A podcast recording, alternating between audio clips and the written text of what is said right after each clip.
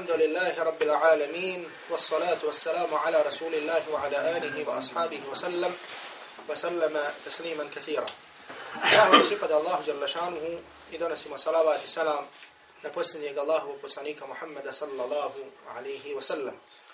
فاجأوزي شني الله سبحانه وتعالى يا أيها الذين آمنوا اتقوا الله حق تقاته ولا تموتن إلا وأنتم مسلمون. وبيكو بيرو bojite se Allaha dželle istinskom bogobojaznošću i nemojte umirati osim kao pravi muslimani. Allah subhanahu wa ta'ala molimo da nas učini od onih koji ga se boje istinskom bogobojaznošću i da nas učini od onih koji će umrijeti samo kao pravi muslimani. Zahvaljujemo mu subhanahu wa ta'ala što nam je omogućio da se okupimo na ovakvom hajdli mjestu gdje ćemo spominjati ajete iz Allahove subhanahu wa ta'ala knjige i riječi Allahovog poslanika sallallahu alaihi wasallam kao i događaj iz njegovog sallallahu alaihi wasallam života. Draga braćo, večeras ćemo se uz Allahu subhanahu wa ta'ala pomoć družiti sa jednim novim događajem, sa jednom novom bitkom iz života Allahovog poslanika Muhammeda sallallahu alaihi wasallam. Ovo je također jedan od veoma bitnih momenata u životu Allahovog poslanika sallallahu alaihi wasallam kao i muslimana koji su živjeli sa njima. A ovaj događaj ili ova bitka zove se bitka na mu'ti. Bitka na mu'ti. Za, so, za koju sam ja siguran da ste vi o njoj čuli čitajući siru Allahovog poslanika sallallahu alaihi wasallam. To je jedan događaj gdje se muslimani susreli sa neprijateljem koji je bio puno, puno, puno mnogobrojniji od samih muslimana.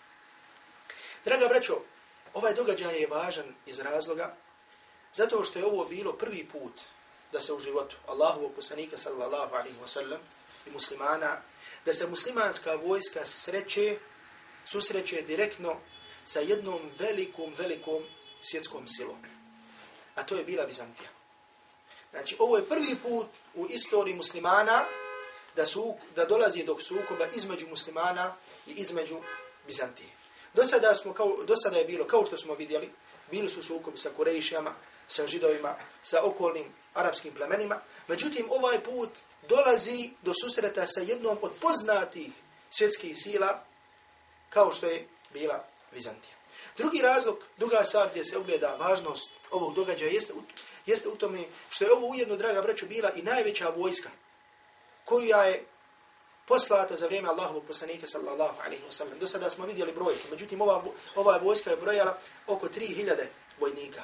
3000 vojnika Allahu poslanik sallallahu alaihi wa sallam je spremio i uputio prema Šamu.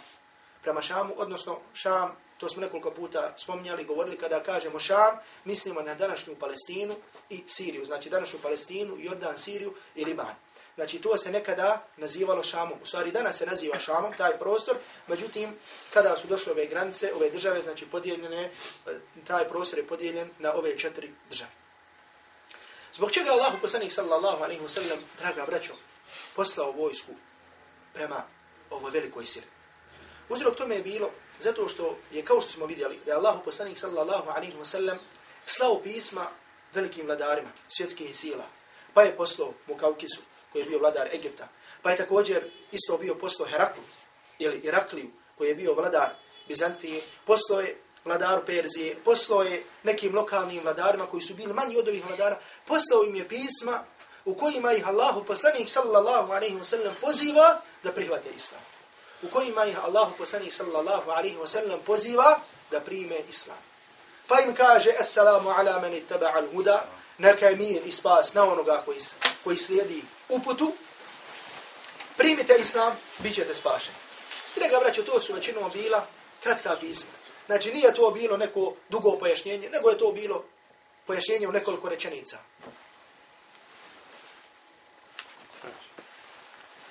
Nego je to bilo pojašnjenje u nekoliko rečenica. Kao što je primi islam, bit ćeš spašen, Allah će vam dati dvije nagrade. I tako da.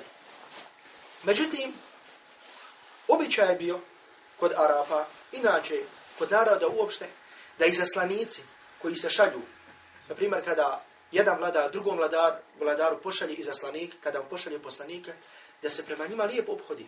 Znači oni se nisu uzemali kao taoci, kao zarobljenici, niti su se ubijali. Međutim, ovoga puta, kada Allah poslanik sallallahu alaihi wa sallam poslao jednog svog izlanika koji se zvao uh, Haris ibn Umair al-Azdi, ashab koji se zvao Haris ibn Umair al-Azdi, koga Allahu poslanik sallallahu alaihi ve sellem poslao jednome od vladara, tu lokalnih vladara na području Šama, ovaj jedan od vođa arapskih plemena ga je ufatio i ubio. Jedan od vođa arapskih plemena ga je ufatio i ubio. On se zove Šurahbil ibn, uh, Šurahbil ibn Amr al-Ghassani, iz poznatog plemena al-Ghassani. I to je bio povod da je Allahu poslanik sallallahu alaihi ve sellem poslao ovu vojsku koja je brojila 3000 vojnika u ovom pravcu. Znači kako bi se sukobili direktno sa Vizantijom i sa onim plemenima, većinom kršćanskim plemenima na području Sirije, znači granice Sirije i Saudije, koji su većinom bili kršćani. Kako bi se obraćali sa njima. Pogledajte, draga breću, sada. Kako ta mala vojska, kako ta mala vojska koja je, da kažemo, mogla se nabrojati na prste jedne ruke. Prva bitka na Bedru bilo je koliko muslimana? Oko 300 i nešto muslimana. Znači, ta mala skupina se ovoga puta ide da se suprostavi jednoj velikoj sili kao što je to Vizantija. Da li je neko u tom trenutku mogao pomisliti, mogao sanjati da će muslimani ići da napadnu Vizantiju? Znači, nije se, draga braćo, ovdje desilo da je, su, da je Vizantija napala muslimane, pa da kažemo, napali su ih, pa su se borili, pa su se branili. Ne, nego ovaj put muslimani idu radi tog svog islanika koji je ubijen. I ne samo radi toga, nego došlo je vrijeme da se Allahu Đalašanu vjera mora širiti. Da mora do ljudi da dođe riječ istine, riječ Allahu Đalašanu knjige, riječ Allahu poslanika sallallahu alaihi wasallam. Jer poslanik alaihi salatu wasallam poslan je čitavom čovečanstvu. Nije poslan samo Arapima. Nego je poslan, poslan isto tako onima koji su živjeli na području Vizantije, na području Perzije, na, na, na, na području Egipta i tako dalje. Znači, došlo je vrijeme, jer vjera Islam je vjera čitavog čovečanstva. I zato, draga braćo, ovdje, kao što smo i prethodno navodili, vidimo mudrost propisivanja džihada, borbe na Allahom džerlašanu u putu. Jer kao što smo vidjeli u prethodnim bitkama, džihad ne dolazi kako bi se došlo do imetka, kako bi se došlo do roblja, kako bi se došlo... Ne, nego džihad je propisan radi toga kako bi se olakšalo ljudima koji žele da uđu Allahu dželašanu u vjeru, da uđu. I zato prvo što se traži kada se dođe do nekog mjesta, do neke države, traži se ostavnika tog mjesta da prihvate islam. Kaže im se prihvatite islam, ostaćete onake kakvi jeste. Vaši mjetak ostaje vama, sve ostaje kako je bilo, samo prihvatite islam. Nećete islam, dobro. Međutim, ovaj put šta? Ovaj put budite u mirnom odnosu sa muslimanima i da plaćajte džiziju, plaćajte danak, omogućite onima koji su među vama ko hoće da primi islam da primi. Ako sa tim se zadovolje, i na to se pristaje. Međutim, ako to odbiju, e onda dolazi do nečega što se zove borba. Tek onda, draga braćo, dolazi do nečega što se zove borba. Jer nije dozvoljeno da se napadne neki narod, neko mjesto, dok se ne pozove u ove dvije stvari, dok se ne pozove u ove dvije stvari prijedom. Pa sada Allahu poslanik sallallahu alaihi wa sallam šalje ovu vojsku. I draga braćo, na samom, na samom početku, znači rekli smo da poslanik sallallahu alaihi sallam nije lično izašao ovu borbu. Međutim, od mudrosti Allahovog poslanika sallallahu alaihi wa sallam je bila je bilo ne samo da im je postavio vođu, emira, ko će biti, nego je postavio također, ukoliko pogine prvi, ko će biti poslije njega vođa. Pa je rekao, i ako pogine drugi, ko će poslije njega biti vođa? Pa kao što je zabilježio imam Buhari, hadisu koji e, Buhari, e, kao što je zabilio imam Buhari od Abdullah ibn Umara, radijallahu ta'ala anhu, da Allahu poslanik sallallahu alaihi wa sallam postavio Zajda ibn Haritha kao vojskovođu. Poslao Zaid ibn Haritha kao vojskovođu. Pa je rekao, wa in qutila Zaid fa Ja'far. Ako Zaid, ako Zaid ibn Haritha pogine, fa Ja'far ibn Abi Talib. Onda neka Ja'far ibn Abi Talib bude vojskovođa. Wa in qutila Ja'far fa Abdullah ibn Rawaha. Ako pogine i Ja'far ibn Abi Talib, onda neka bude ko? Neka bude Abdullah ibn Ravaha. Neka bude Abdullah ibn Ravaha. Abdullah ibn Ravaha, draga braćo, bio jedan poznat jashab Allahovog poslanika sallallahu alaihi wa sallam iz reda Insarija, koji mimo toga što je bio jedan poznati, hrabri ashab, on je također bio pjesnik. Volio je poeziju. Bio je pjesnik, voli, voli, volio je poeziju. I zato ćemo vidjeti kako je tu svoju poeziju koristio u svrhe da podstiče na hajr.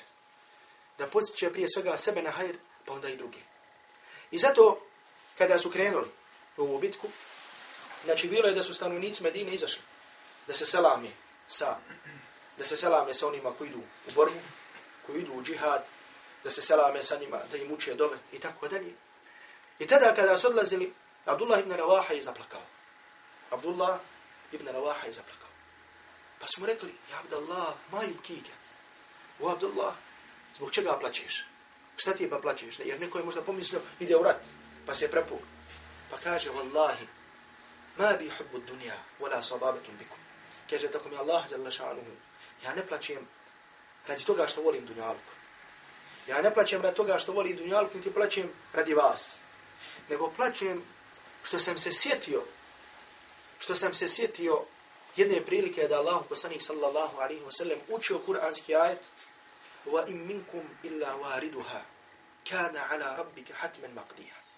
I nema ni jednog od vas, a da do nje neće doći.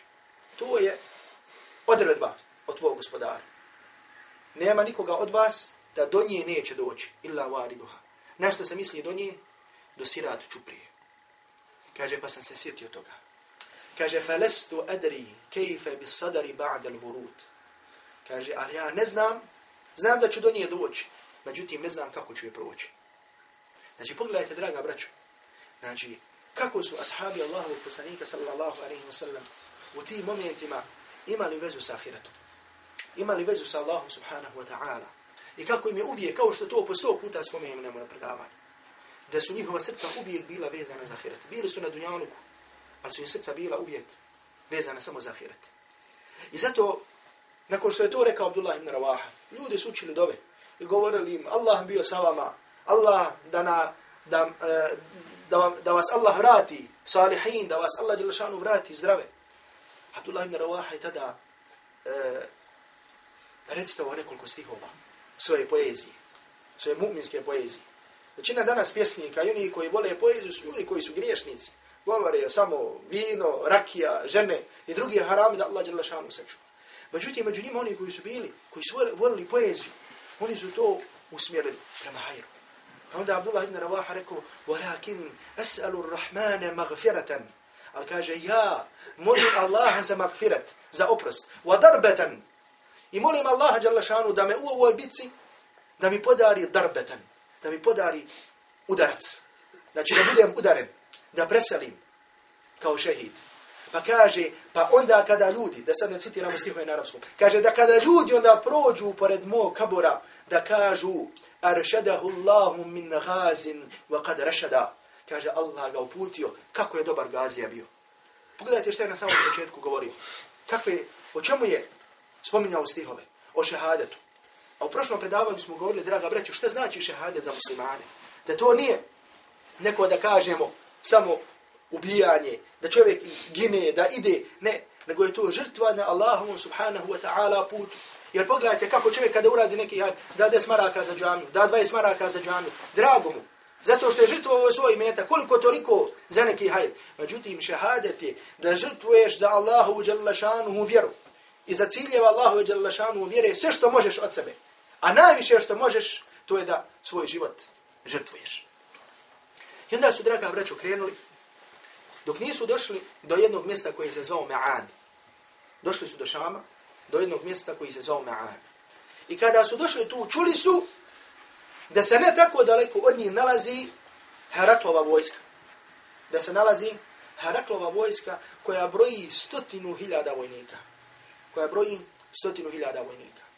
I onda im je također došao još haber da se još toliko, oko stotinu hiljada, znači tu lokalnih plemena, također okupilo i pridružilo Vizantijskoj vojsci. Tako da ono što ćete naći u knjigama Sire jeste da se kaže da je broj vojske nasuprot ovih 3000 je bilo 200.000. Međutim, ovo je malo upitno. Znači, uvisno da se sukobi 3000 vojnika sa 200.000 i zato jedan broj učenjaka, ovo je malo, da kažemo, na jedan e, sa jednom rezervom prihvata ovu veliku cifru. A to je da je bilo 200.000 vizantijske vojske. Pogotovo zato što su Arapi imali običaj u svom jeziku da cifre određene kao što je 70, kao što je 100.000, da, upotreb, da upotrebe za mnoštvo. Kada hoće da kažu, mnogo nečega kažu, na primjer, 70 ih bilo. Neće da kažu ograničeno 70 broj, nego da kažu i puno. Tako isto kada kažu hiljadu hiljada, sto hiljada i tako dalje. Uglavnom, kako god bilo je, znači, vojska neprijatelj, odnosno vizantijska vojska je bila puno više, znači puno više ih je bilo nego što je bilo muslimana. Bila je mnogo puta mnogobrojnija. I kada je došao taj haber, da se tolika vojska okupila, draga braću, protiv muslimana, da ih čekaju, tada je došlo do jednog komešanja. Tada je došlo do jednog, da kažemo, komešanja. Ne komešanja u smislu da su ljudi govorili, nećemo, nećemo da idemo, hoćemo da se vratimo. Nego su rekli, međutim, šta sada da radim? Pa su jedni predlagali da se nastavi, a drugi su predlagali da se pošalje neko, kao izaslanik Allahovom poslaniku sallallahu alaihi wa sallam u Medinu. Da se neko vrati Allahovom poslaniku sallallahu alaihi wa sallam u Medinu i da ga pitaju šta da radi. Jer su pretpostavljali da Allahov poslanik sallallahu alaihi wa sallam nije znao da je vojska toliko mnogobrojnija. Pa su rekli, hajde da pošaljemo, pa da vidimo šta će nam reći Allahov poslanik sallallahu alaihi wa sallam. I ono što nam rekne, tako ćemo učiniti. Međutim, sada, draga braćo, ovdje do izražaja dolazi jedan pravi imam, jedan pravi vođa, jedan pravi vojskovođa, koji ne samo što ide po tome što ima iskustvo, nego također nasupa sa svojim imanom. Nasupa sa svojim imanom. Pa je tada Abdullah ibn Rawah ustao. A vidjeli smo da ga je već bio poslanik sallallahu alaihi sallam odredio da bude jedan od emira. Ako prethodna dvojica poginu. Pa je tada, dok su ljudi to raspravljali, ustao i rekao, ja kaum, o ljudi. I rekao im je, ja kaum, o ljudi. Pa se svi okrenuli da ga slušaju. Šta će da on reći? Pa im je rekao. Znači, održao im jednu hudbu koja je bila kratka. Dvije, tri rečenice. I da ga braćo, ashabi, to su bili, to je bila pametna generacija. A što kaže se kod nas u narodu, pametno mi šare dovoljno. Znači, ona, ona kome ti moraš vasti satima, danima, da ga ubijediš u neku stvar da je to tako, od toga ništa nema. Znači, to je neko kome, znači, nisu sve žice na broju. Međutim, onaj koji je pametan, kad mu kažeš Allah Đalešanu naredio da klanjaš, on klanja. Allah Đalešanu ti zabrani ovo, on to ostaje. Allah Đalešanu rekao, on to prihvati. Pa Abdullah ibn Ravah ustao i rekao, o ljudi, inna lati tekrahun, lalleti kharijtum tatlubun. Kaže ono o čemu vi sada raspravljate, ono što sada prezirete, ono što, zbog čega sada pričate, kaže to je ono radi čega ste bolni izašli. O čemu sada raspravljate? To jeste, hoćete li se susresti sa tolikim neprijateljom? Šta će biti sa vama? Pa to je ono radi čega ste izašli. A šehadet. Šehadet na Allahovom putu.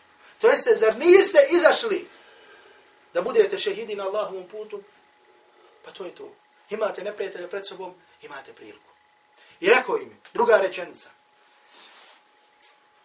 Kaže, وَنَحْنُ لَا bi kuvvetin, wala adadin, wala kathratin.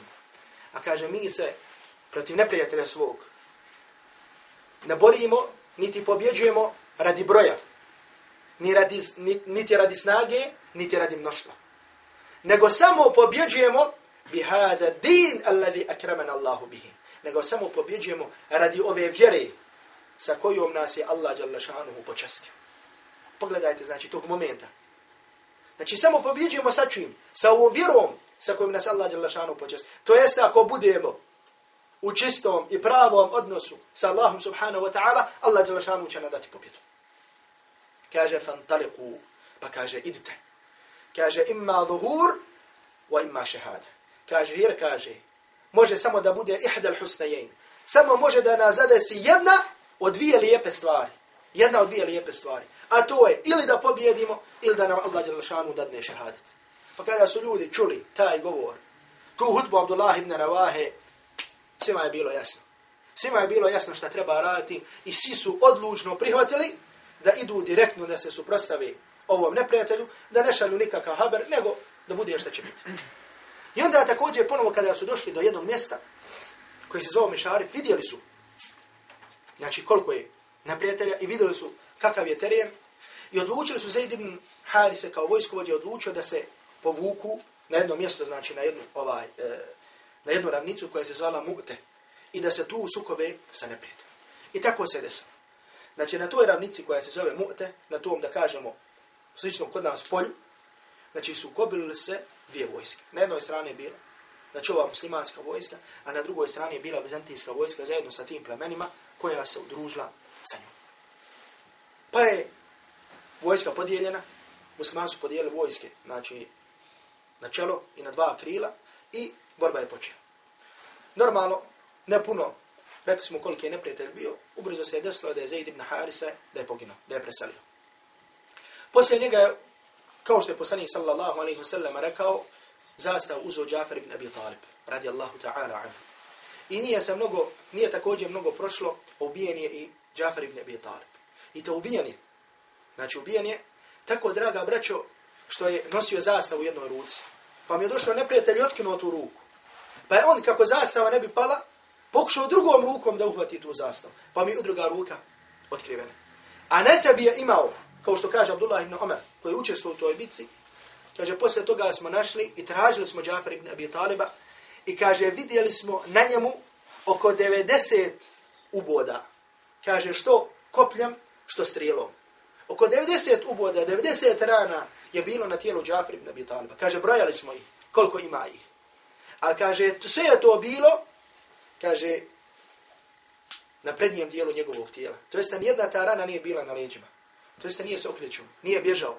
Nego je toliko hrabrost imao da je sve to dočekivo, a da je bio okrenut svojim licem prema neprijatelju. Znači ovaj hadis je zabilio žima Buhari od Abdullah ibn Omara, gdje kaže Abdullah ibn Omar, وَكُنْتُ فِيهِمْ فِي تِلْكَ الْغَزْوَ Kaže, ja sam bio sa njima u toj borbi, I kaže fel temesna Džafar ibn Abi Talib, pa smo kaže traf, tražili Džafar ibn Abi Taliba, pa kaže kada smo ga našli, brojali smo, kaže, izbrojali smo 90, 90 i nekoliko bid'an wa tis'ina min ta'anatin wa rumjatin. Kaže 90 i nekoliko rana smo na njemu našli. A poslanik sallallahu alaihi wa sallam je rekao u hadisu koji je zabilježio imam At-Tabarani u svom dijelu Al-Mu'ajam Al-Kabir, od Ibn Abbas radijallahu ta'ala anhu, kaže, inna Allaha abadalahu bijadejhi dženahajhi jatiru bihima kejfe ješa. Kaže, Allah jalla šanuhu mu je, je zamijenio te dvije ruke sa dva krila u džennetu i sa njima leti kuda on hoće. I došlo je također u drugoj predaj, kaže, Džafer je sada u džennetu, leti sa Džibrilom i sa Mikailom. Leti sa Džibrilom i sa Mikailom kuda on hoće. Poslanik sallallahu alaihi wa sallam je to obavijestio. I nakon pogibije normalno, nakon pogibije Džafir ibn Abi Taliba, sada vodstvo uzima Abdullah ibn Rawaha. Abdullah ibn Rawaha, onaj o kome smo govorili. I sada ponovo dolazi do izražaja njegova poezija. Znači u tom momentu, kada ovi prije njega bivaju ubijeni, opet njemu, da kažemo na pamet, pada poezija. I tada Abdullah ibn Rawaha obraća se sebi, svojoj duši. Znači normalno kao čovjek, zadesi čovjeka malo strah, Znaš kako ti je duša, nije duši lahko da gleda kuda ide. Međutim, tada Abdullah ibn Rawaha se obraća s sebi, svom nefsu, svojoj duši. I kaže, وَمَا لِي أَرَاكِ تَكْرَهِينَ الْجَنَّةِ Kaže, pa šta ti je, vidim te, to jeste svoju dušu. Kaže, šta ti je, vidim te, kako prezireš džennet. To jeste nećeš da ideš, nemaš smjelosti. Jel to prezireš džennet? U tom smislu hoće da kaže, svoj nefsu. Pa kaže, uzeo zastavu i borio se Abdullah ibn Rawaha, dok također nije preselio, dok nije preselio kao šehid. Međutim, u istom vremenu, draga braćo, poslani sallallahu alaihi wa sallam u Medini, kao što je zabilio imam Ahmed u svom musnadu, od Ebu Qatade, sa Hasan sanadom, poslani sallallahu alaihi wa sallam se popeo na svoj mimber, odakle inače je držao hudbu petkom. I naredio je da se svi ljudi pozovu, da se kaže as-salatu džamija, da se ljudi pozovu kao što se pozivaju na namaz. I kada su došli, poslanik sallallahu alejhi ve sellem se popeo na minber i počeo je sve da im govori šta se dešava na muti. Jer ga Allah subhanahu wa ta'ala obavijestio. Znači to su bile odlike Allahovog poslanika sallallahu alejhi ve sellem. Nije to bila nadnaravnost Allahovog poslanika alejhi salatu wasallam. Nego su to bili počasti i odlike kojima Allah subhanahu wa ta'ala dao. A mi smo prvo predavanje sa kojim smo počeli ovaj ciklus predavanja, smo govorili o odlikama Allahovog poslanika sallallahu alaihi wasallam. Pa je ovdje poslanik sallallahu alaihi wasallam se popeo i počeo da govori. I kaže, pa je kaže zastavu držao Zaid ibn Harise, pa je kaže ubijen. Pa je kaže preselio ko šehid. Pa je rekao, fastaghfiru lahu. Kaže, pa molite Allah da mu oprosti. Fastaghfiru lahu. Pa su ljudi tu rekli da mu Allah žele šanu oprosti. Pa kaže, pa je zatim uzeo zastavu Džafar ibn Abi Talib.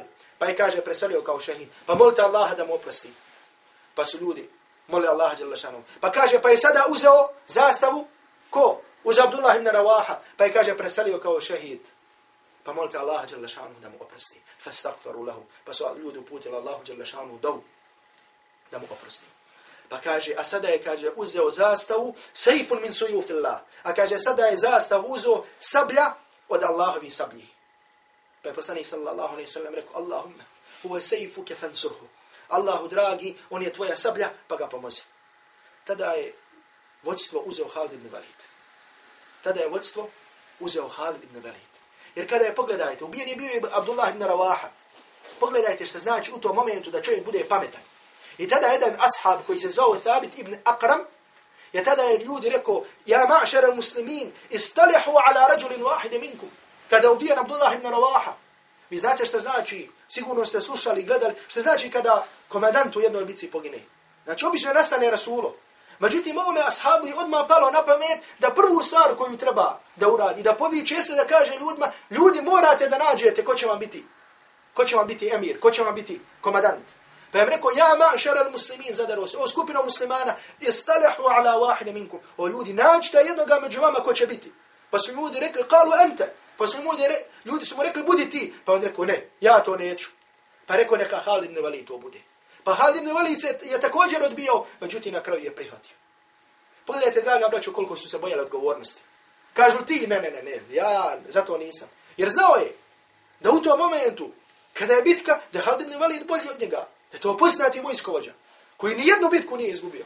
Muslimani kada su izgubili na Uhudu, koji je bio vojskovođa mušrika, bio Halid ibn Walid. Nijednu bitku nije bio izgubio.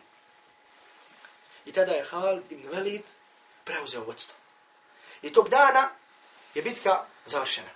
Tog dana je bitka završena. Bitka je nastavljena sutra. I sutra, nakon što su klanjali sabah namaz, je tak je bio adet ratovanja, da na jednom polju ratuju, kada padne noć, ako niko nikoga nije pobjedio, da se povuku i da sutra ponovo nastave. I sutra, poslije sabah namaza, nakon što su klanjali sabah namaz, ponovo je bitka nastavljena. I sada ovdje dolazi do izražaja inteligencija, i iskustvo i mudrost Halid ibn Valida. Normalno, muslimana je puno, puno manje nego Bizantijaca. I tada je Halid ibn Velid izdao jednu naredbu. A to je bilo da je rekao, kada bitka počne, znači normalno, ima desno, ima čelo, ima desno krilo, ima lijevo krilo. Rekao je neka desno krilo pređe na lijevo krilo. U toku same bitke. A lijevo krilo neka pređe na desno krilo. A kaže neka jedna skupina, pogledajte ovo, neka jedna skupina boraca, vojnika, neka bude na kraju. I kaže, oni samo neka idu gore dole. Neka idu od zada prema naprijed, nazad, naprijed, nazad, naprijed. Samo znači neka se kreću. Tokom cijele bitke, oni samo nek svoje konje okreću u krug. Znači da ide naprijed, nazad, naprijed, nazad. Zbog čega? Kako bi neprijatelj pomislio da im dolazi pomoć. Da im non stop pristiže pomoć. I kada dolazi do premještanja sa desne na lijevu i s lijeve na desnu, znači stvara se da kažemo jedan način, znači buka ljudi misle da ima puno više ljudi nego što ima. Jer inače, evo, nek sada ljudi, nek svi navrnu, neka krenu odva, znači pomislit će se da je ljudi mnogo više nego što je inače. I kada su Bizantici vidjeli to stalno okretanje muslimana, pomislili su da im dolazi pomoć. Pomislili su da im dolazi pomoć. I tada su se Bizantici povukli. Povukli su i muslimani, povukli se Bizantijice. Tako da je ovdje Hal ibn Velid spasio da kažemo situaciju da ne dođe do jedne velike katastrofe. Jer pogledajte koliko je, koliko je draga braćo, situacija teška bila. Znači prvi vojskovođa muslimana je poginuo, drugi je poginuo, treći je poginuo. Znači sve te opcije da kažemo, koje je bio postavio poslanik sallallahu alaihi wasallam, su, znači da kažemo, svi su oni bili preselili. I ne samo to, nego kao što je zabilježio imam Bukhari u svom sahiju Qais ibn Abi Hazima, da je rekao Khalid ibn Walid, radijallahu ta'ala anhu, kaže laqad in qata'at fi yadi yawma mu'ta tis'ata suyuf. Kaže na dan mu'te kaže ja sam svojom rukom polomio devet sablji svojom rukom sam polomio devet sablji znači pogledajte to draga braćo. Svojom rukom polomio devet sablji od žestinije te borbe. Sada kod i s ovim povlačenjem da kažemo je završena je završena bitka na mu'te Sad ovdje jedan broj historičara, čak ima i među muslimanskim među islamskim istoričarima neki koji kažu da je muta na jedan način bila poraz. Da je muta na jedan način bila poraz. I to mišljenje su zastupali mali, mali broj istoričara, kao što je Ibn Sa'ad. Mada u mnogim ili da kažemo nekim dijelima na našem, na našem jeziku, ćete naći da se mota ubraja u veliki poraz muslimana. Međutim, ta stvar je netačna. Ta stvar je netačna. Da je bio potpuni poraz u pravom smislu, nikom slučaju nije bio. Jer pogledajte, da li su Bizantinci došli, znači muslimani su otišli na Bizantijsku teritoriju, da li su i oni potpuno otjerali sa tog bojnog polja, da li su uzeli od muslimana ratni plijen, da li su i porobili ne. Nego je samo 13 muslimanskih vojnika tu preselilo kao šehide. S druge strane, bilo je muslimana koji su uzeli seleb, znači koji su uzimali ratni plijen, međutim to je na ratni plijen koji se nađe, koji se nađe odmah na vojniku, koji su uzamali sa vizantijskih vojnika. I zato jedan broj historičara smatra da je to bila pobjeda.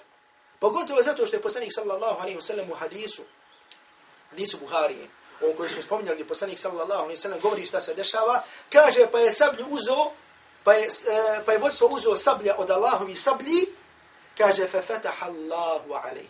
Pa je kaže Allah jalla šanu dao da on donese pobjedu. Pa je Allah jalla šanu dao da on donese pobjedu. Međutim, opet, znači, ovo možemo prihvatiti jedno srednje mišljenje. Znači, ne možemo da kažemo da je ovo bila pobjeda muslimana kao u prethodnim bitkama. Jer ni to se nije desilo. Znači da su muslimani sada odšli dalje u teritoriju. Međutim, ni u kom slučaju nije bio poraz kao što će neki reći. Ali u svakom slučaju, ovo je bila bitka koja je bila od velikog značaja. Draga braćo, pogledajte sa kim su se ovdje muslimani susrali. I ne samo to, nego ova bitka je također dalje nastavila da mijenja mišljenje kod lokalnih Arapa. Jer su rekli, pogledajte, muslimani sada se suprostavili Vizanti, otišli da ratuju sa Vizantijom, da li je to moguće? I zato neka plemena, kao što je pleme Gassan, koji prije nisu bili, koji nisu primili islam, posle ovog događaja su prihvatili islam. Znači plema Gassan, plema Gatfan, Gatafan, ono koje se spominje da je bio saveznik židovima, posle ove bitke su prihvatili islam zato što su vidjeli o čemu se radi. I s ovim je završena ova velika bitka koja se zvala Gazvetu Mu'te, bitka na Mu'te. Normalno mi, kao što nam je običaj, poslije, nakon što spomenemo ove osnovne događaje, draga braću, spomenemo pouke i poruke ovog kazivanja. Ja se ovaj put ne bi zadržao na više pouka i poruka, kao što smo do sada govorili, pod jedan, pod dva, pod tri, nekoliko stvari. Nego bi želio da samo e, obratimo pažnju na jednu stvar da obratimo pažnju na jednu stvar koja se može vidjeti ovdje, u ovoj bitci. A to je da pobjeda i uspjeh, da pobjeda i uspjeh dolaze imanom i vjerom. A ni u kom slučaju radi snage, radi jačine, radi broja i tako dalje. I zato pogledajte, hajde da se vratimo, malo da pogledamo, na primjer, kako su zapadni historičari. Ja sam se namjerno vratio bio E, na neku literaturu zapadnih historičara, koja je ovdje jeli, ovaj, prisutna kod nas, da vidimo kako se opisuje ovaj, e, ovaj vizantijski car. A to je car Irakl ili Iraklije, kao što se naziva Iraklije, kao što se naziva na zapadu. A Arabi za njega kažu Irakl. Ko je bio taj car? Draga braću, to je bio jedan, kao što će historičari reći, jedan od najvećih vizantijskih vladara. Jedan od najvećih vizantijskih vladara je bio upravo ovaj Irakli. Zbog čega? Zato što u vremenu njegove vladavine, koja je bila u 610. do 641. godine po ovom ovdje kalendaru, e, tada je bila, da kažemo, nastupila jedna kriza za Vizantijsko carstvo. Znači, Perzijanci su tada ulazili sve dublje i dublje u teritoriju Vizantijskog carstva. I tada su Perzijanci ušli gdje? Ušli su kuc. I uzeli su jedan, u koji kršćani, posebno vidi jedan sveti krst, i skinuli su ga ušli su u Jerusalim. Ušli su u Egipat, čak su do Egipta došli. S druge strane, vam, ovdje na našim prostorima, upravo u to vrijeme, znači Slaveni, dolaze na ove prostore. I, da kažemo, dolazi do, da kažemo, jedne teške situacije za Bizantijsko carstvo na ovim prostorima. Također, druga plemena napadaju Bizantijsko carstvo. Međutim, ovaj car, ovaj vladar, on tada uspjeva da reguliše stanje u svom carstvu. On tada uspjeva da reguliše stanje i da vrati carstvo kao što je nekada bilo. I zato ga, znači, historičari e, nazivaju da je bio jedan od najvećih vizantijskih careva koji je preuzeo carstvo koje se nalazilo u potpunom rasulu. Međutim, vratio ga. I zato, draga braću, znate da u suri Rum Allah Đelešanu spominje, spominje se, znači, Vizantije u ovom vremenu. A to je kad Allah Đelešanu kaže Gulibati Rum fi adna al-ard. Kaže Bizantinci ili Rinjani su pobjeđeni. Međutim, za nekoliko godina on će ponovo pobjediti. Znači, to je upravo bilo Bizantija u ovom vremenu. Znači, za vrijeme ovoga vladara. I on je bio taj koji je pobjedio Perzijance i to se spominje, znači Allah Đelšanu tu pobjedu spominje u Koranu. Draga braćo, protiv ovog cara, ovog vladara, muslimanska vojska se usudila da mu ide i da mu se suprostavi. Iako je ovaj sami vladar, sami ovaj vladar Vizantije, ova Irakli, njemu je poslanik sallallahu alaihi wa sallam poslao izaslanika. I prije nego, ne samo što mu je poslao izaslanika, da mu je došlo pismo od Allahovog poslanika sallallahu alaihi wa sallam, a bio mu ga nosio Dihaj al-Kelbi. I zato je neispravno mišljen neki istoričara koji hoće reći da je poslanik sallallahu alaihi wa sallam direktno došao do njega da je razgovarao. Ne, poslanik mu je poslao izaslanika. Međutim, još prije tog izaslanika, šta je bilo? Ima jedan bitan događaj. Sjeća ga siku. A to je da je Ebu Sufjan razgovarao, da je došao do ovog cara. Međutim, Ebu Sufjan tada nije bio primio islam.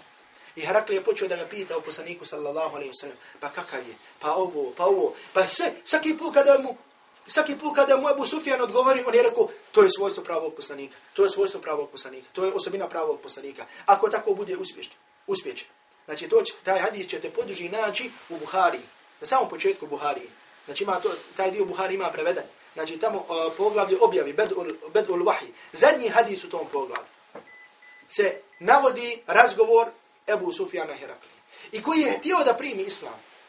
Ovaj vladar je htio i pomislio da primi islam. Međutim, kada je vidio da ako primi islam, jer počeo je da obavještava neku svoju svitu, šta bi se desilo ako bi primio islam? Kada je vidio da će se svi okrenuti protiv njega, on je odbio. I rekao je, samo sam htio da vas iskušam, da vidim šta ćete vi, šta bi vi uradili ako bi ja primio islam. I zato, pogledajte, ima Buhari, ovaj hadis navodi kao zadnji hadis prvog svog poglavlja u Sahihu, a to je poglavlje Bed ul Wahi, početak objave. Znači u tom poglavlju je ovaj hadis zadnji. A prvi hadis je innamal a'malu bin nijat. Prvi hadis ovog poglavlja je koji?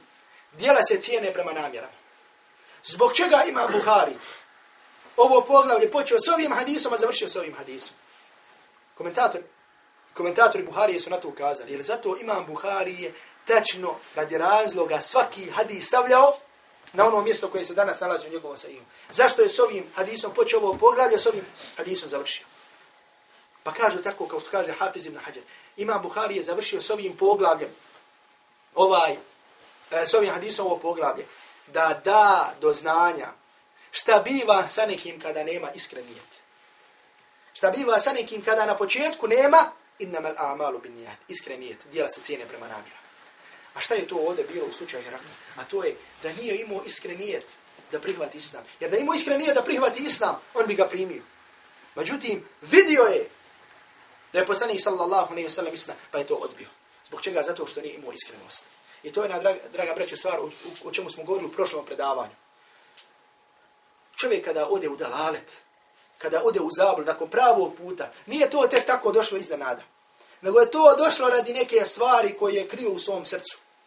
Radi neke stvari koje je krio u svom srcu. I draga braćo, pogledajte da se vratimo. Protiv ove sile su se sukobili muslimani. I zato vratite se na one riječi Abdullah ibn Rawahe koji je govorio, pa mi kaže ne pobjeđujemo. Mi ne pobjeđujemo sa brojčanom. Niti pobjeđujemo sa, sa, sa snagom, nego pobjeđujemo sa ovom vjerom sa kojom nas je Allah Đelešanu počestio. I draga vreć, isto tako, kada je Ebu Horeire, kada je bila bitka na Mu'ti, kada je Ebu Horeire vidio tu vojsku ispred sebe, a znamo kada je Ebu Horeire primio islam, kada je poslanik sallallahu alaihi sallam otišao na Hajber, kada je poslanik bio na Hajberu, Ebu Horeire je došao i tada primio islam. Ebu Horeire je bio u bitci na Mu'ti. I kada je vidio tu vojsku, rekao je, Allahu dragi, šta je ovo? I tada na isti ashab, Thabit ibn Akram, je rekao Ebu Hureyre, ti nas nisi vidio, ti nas nisi vidio na bedru. Isto smo na bedru bili manji. Bilo nas je mali broj, a neprijatelj je bio veći broj. Pa mu je rekao, inna, inna la nunsaru. In, inna la nunsaru bil kathra. Kaže, mi ne pobjeđujemo sa brojem. I zato, draga braćo, ovo je jedno veliko pravilo. Jedna velika filozofija u životu svakog muslimana treba da bude. A to je da pobjeda i uspjeh, hajde da kažemo uspjeh, Jer nije ova stvar vezana samo kada je u pitanju džihad, kada je u pitanju borba. Draga braćo, uspjeh u životu jednog čovjeka, u životu jednog džemata, u životu jednog islamskog pokreta, u životu jedne zajednice, ne dolazi radi njihovog imetka, koliko ga imaju. Ne dolazi radi toga koliko je njih, nego dolazi kakav je njihov odnos prema Allahu subhanahu wa ta'ala. I zato pogledajte, vratimo ovo pravilo na jednog pojedinca.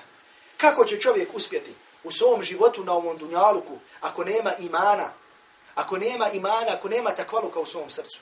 Kako će uspjeti jedna zajednica, jedan džemat? Ako nema imana. Pogledajte sada, mi govorimo, često, i sve to ono radi čega, smo, radi čega se ovdje okupljamo. Radi hajra, radi Kur'ana, radi sunneta, radi dave. Govorimo o tome kako ćemo ljude pozivati na hajr. Govorimo o davi. Kakve fajde ima da čovjek ima velike islamske centre, da ima velike, da kažem, vakufe, čiji prihod dolazi u njegove ruke, da širi Allahu Đalešanu vjeru. Ako ti ljudi u svom srcu nisu zagrijani i ne žele da šire Allahu Đalešanu vjeru, može li taj džemat kako da uspije? Ne može. Kako jedna zajednica, koja ne znam koliko ima imetka, koliko ima ovoga, kako će uspjeti, draga braća, ako nema imana. I zato ovu stvar vratite od pojedinca do zajednice, do države, do naroda.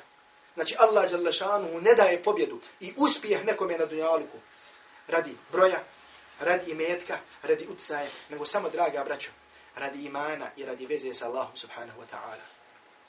I to je draga braćo, zbog čega čovjeka ne treba da žalosti ako nekada vidi da je u nekom mjestu, u nekom vremenu, da je malo muslimana, da je malo ljudi koji iskreno obožavaju Allaha subhanahu wa ta'ala, da kaže, malo je, Allah je šanu, znači, da čovjek dođe u neku sumnju. Draga braćo, čovjek u svom životu treba da zna šta hoće. I svak od nas treba uvijek da priča sa samim sobom, da razgovara sa samim sobom i da kažem sam sebi, da kažem sam sebi, šta ti hoćeš u životu. Da čovjek kaže sebi šta ti hoćeš. Jer čovjek ko ima sad srtano u svom životu šta hoće, on ne može skrećati sad malo ovdje, sad malo ovdje, sad malo bude vakio. Nego čovjek koji zna da ima jedan cilj, kada dođe iskušenje, on se strpi. Ako može da ga pređe, ako može da pobjedi, on ide dalje. Međutim, da li čovjek, ako vidi nešto da ne može diže ruke od toga, tako ne radi musliman. Možda čovjek tako radi u biznisu. Vidi to ne ide pa ostavi. Radi ovo, ne može digne ruke od toga pa proba nešto drugo. Draga braćo, musliman tako ne radi. Jer ima ili džennet ili džahannam.